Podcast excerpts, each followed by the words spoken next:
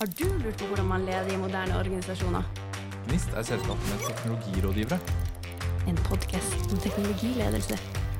Mitt navn er Storm. Jeg heter Ulrikke. Dette er Kort og godt med Gnist.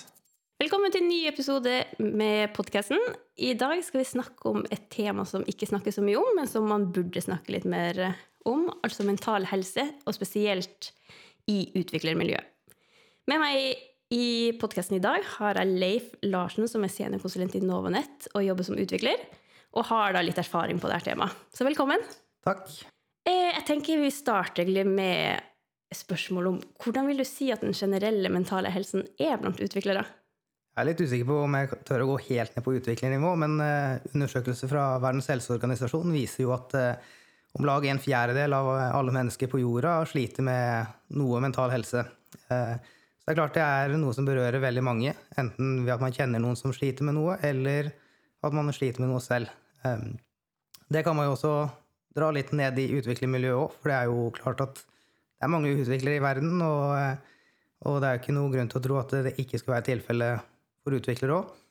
Og så har man jo det at man jobber mye, mye tett med PC-en, isolert for seg selv kanskje, og mye stress, deadline som skal rekkes og sånt. Så, så jeg vil jo tro det er en del eh, som også har innenfor utviklingsmiljøet som sliter litt.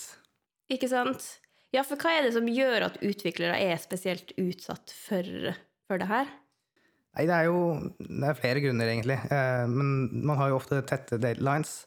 Kanskje urealistiske deadlines. Det er produkteier som sitter og jobber med vi må få ut den og den featuren innen da og da, og så ser utvikleren oi, det var veldig mye mer enn vi hadde regna med. Så man eh, sliter ofte med kanskje stress.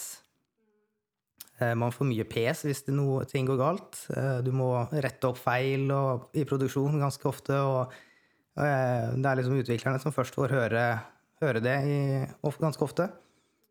I tillegg så er det jo innenfor IT så er det jo veldig lett å tilegne seg ny kunnskap. Men det er jo også medfører jo press på at man skal tilegne seg ny kunnskap. Og man kan jo sitte på jobb i åtte timer og foran PC-en og jobbe hardt, og så kommer du hjem på kvelden og så Nei, nå må jeg lære meg noe nytt. Og eh, setter seg ned for å se på YouTube eller andre kurstider for å lære mye. Eh, og det medfører jo så klart mye ekstra unødvendig press. Eh, man har i tillegg også mulighet til å skape mye innhold selv. Skrive blogger, lage YouTube-filmer, eh, lage kurs for den saks skyld, eller holde presentasjoner. Og det er også med på å skape en ekstra byrde på utviklere. Mm. Ja, jeg kjenner meg igjen, fordi jeg, jeg jobber jo som Scrum Master i et team med utviklere, og det, det kommer jo inn forespørsler hele tida over det her må gjøres, eller det er en bug eller et eller annet, som, som skaper stress. Mm. Og at man, man føler kanskje man aldri får levert 100, Eller man får ikke levert den kvaliteten man skulle ønske, for det dukker opp noe nytt.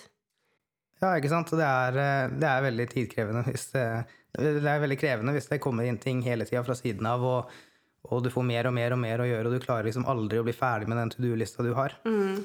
Eh, Og det, det også medfører jo at du sitter og føler at du ikke får ting gjort. Og det skaper jo en ganske dårlig følelse. Ikke sant? Og så er det jo, en, eller i hvert fall inntrykk av at en del jobber mye alene. Og, og som du nevnte, liksom mye skjermtid. Så du, du sitter, i hvert fall i dag, med mye hjemmekontor, så sitter du alene hjemme bak din egen skjerm. Ja, jeg, klart, jeg tror eh, spesielt nå i koronatida hvor alle har jobba hjemmefra, så tror jeg mange har blitt isolert. Mm. Og man har ikke hatt de muligheten til å være sosial utenom eh, arbeidstid. Ja, Eh, ikke sant? Så da mister du liksom både sosiale biten utenfor arbeidstid, men også det sosiale i arbeidstid. Ja. Da er det jo ekstra, ekstra lett å gå på en smell der.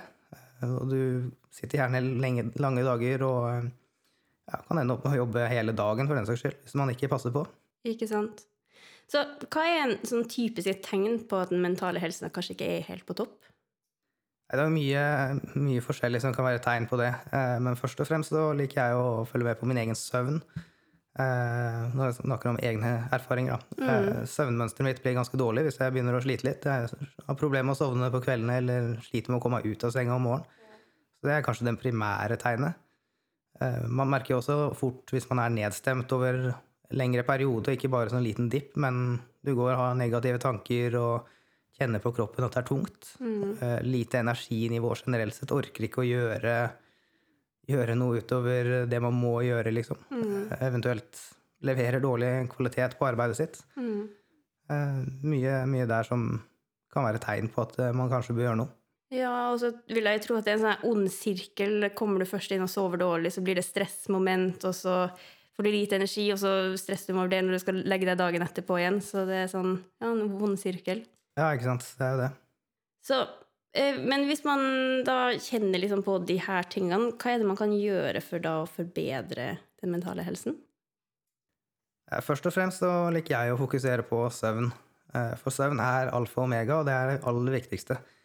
Eh, Jeg pleier å fokusere på å legge meg og stå opp til samme tid hver dag, selv i helgene. Eh, Og det gjør at søvnrytmen er ganske fast, og kroppen er vant til det, og det er lettere å sovne. Mm. Etter søvn så kommer jo kosthold og aktivitet. Det er viktig å spise sunt og sånt, og det er kanskje ganske åpenbart, men greit å presisere. Og, og å være fysisk aktiv er også ganske viktig. Og det kan jo være at du liker å jogge en tur, eller stikke på treningssenter, eller spille fotball med noen, tennis, uansett hva, bare man er litt i aktivitet. Mm. Det kan jo også være så enkelt som å bare spasere seg noen turer i løpet av dagen, ta 15 minutters pause og bare gå ut.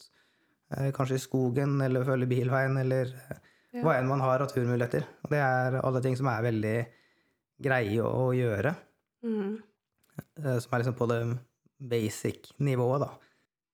Ja, vi har også, også vi begynt med walk and talk, så vi tar en del møter bare på telefon.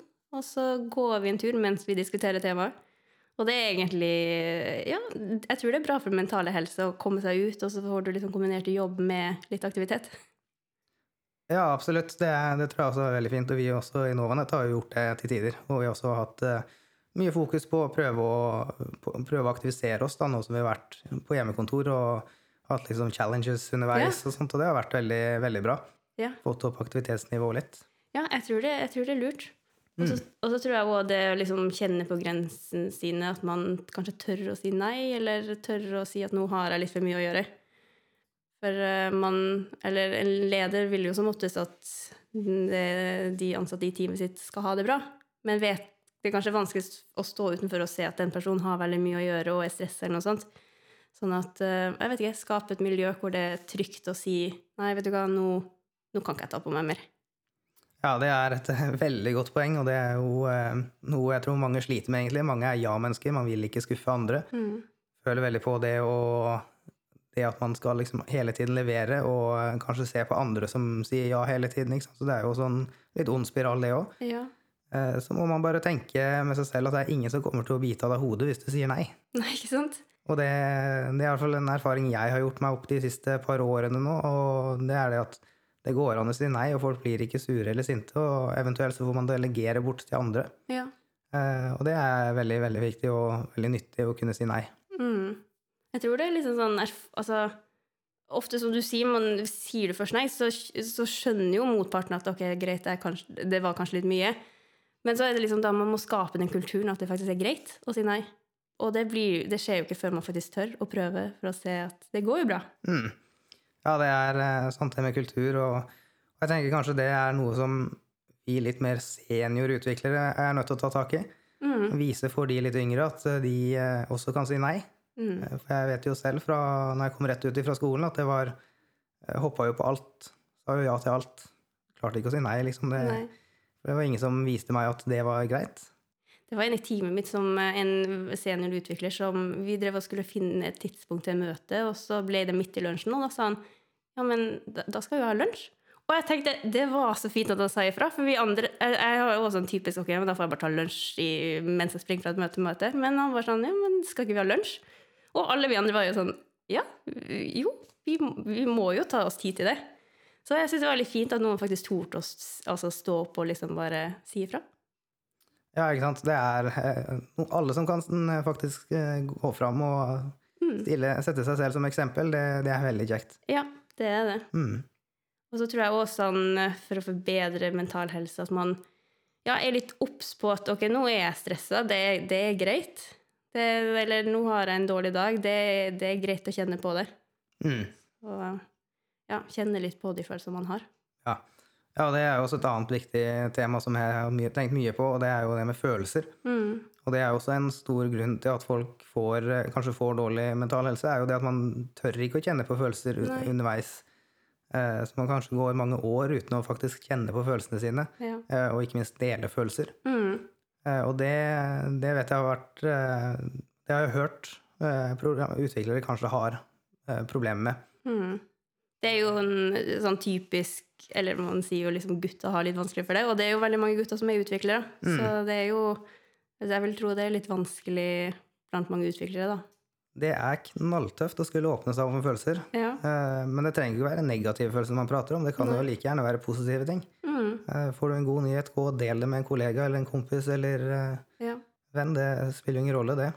Jeg tror det handler bare litt om å bli vant til det. Og så må, må man som mottaker av sånt også faktisk klare å eh, akseptere at folk deler følelser, og, og ikke være dømmende overfor det, eller Mm. eh, ikke bare lede bort, liksom. Jeg husker sånn, jeg var litt yngre, så var jeg sånn jeg skal, ikke, jeg skal ikke si at jeg føler ting, jeg skal si at jeg synes at, eller jeg tror at. Og så var det, det sikkert sånn fem år siden jeg fant ut at ok, nå må jeg slutte med det. Nå må jeg si at jeg føler ditt og føler datt. Og bare det gjorde at det ble litt enklere å snakke om det. Bare bytte ut 'jeg synes at' til 'jeg føler at'. Så det er sånne småting som kan gjøre det at det blir litt lettere. Mm. Ehm, men la oss si da at jeg som leder har lyst til å sikre at den mentale helsa til teamet mitt er bra. Hva, hva kan jeg gjøre? Først og fremst så tenker jeg at uh, som leder så må du se folk, se mennesker, ikke ressurser. Mm. Uh, det er litt, uh, litt kjapt å tenke at eh, nå må vi allokere ressurser rundt om på prosjekter eller lignende, men man må se mennesker. Mm. Det er folk du jobber med, folk har følelser, folk har et liv og kjenner på ting. Eh, så det er veldig viktig. Eh, jeg tror også det kan være greit å prøve å følge litt med på de ansatte man har. Mm. Prøve å være observant i forhold til eh, endringer i, eh, i personlighet eller væremåte hos, hos de ansatte. Mm.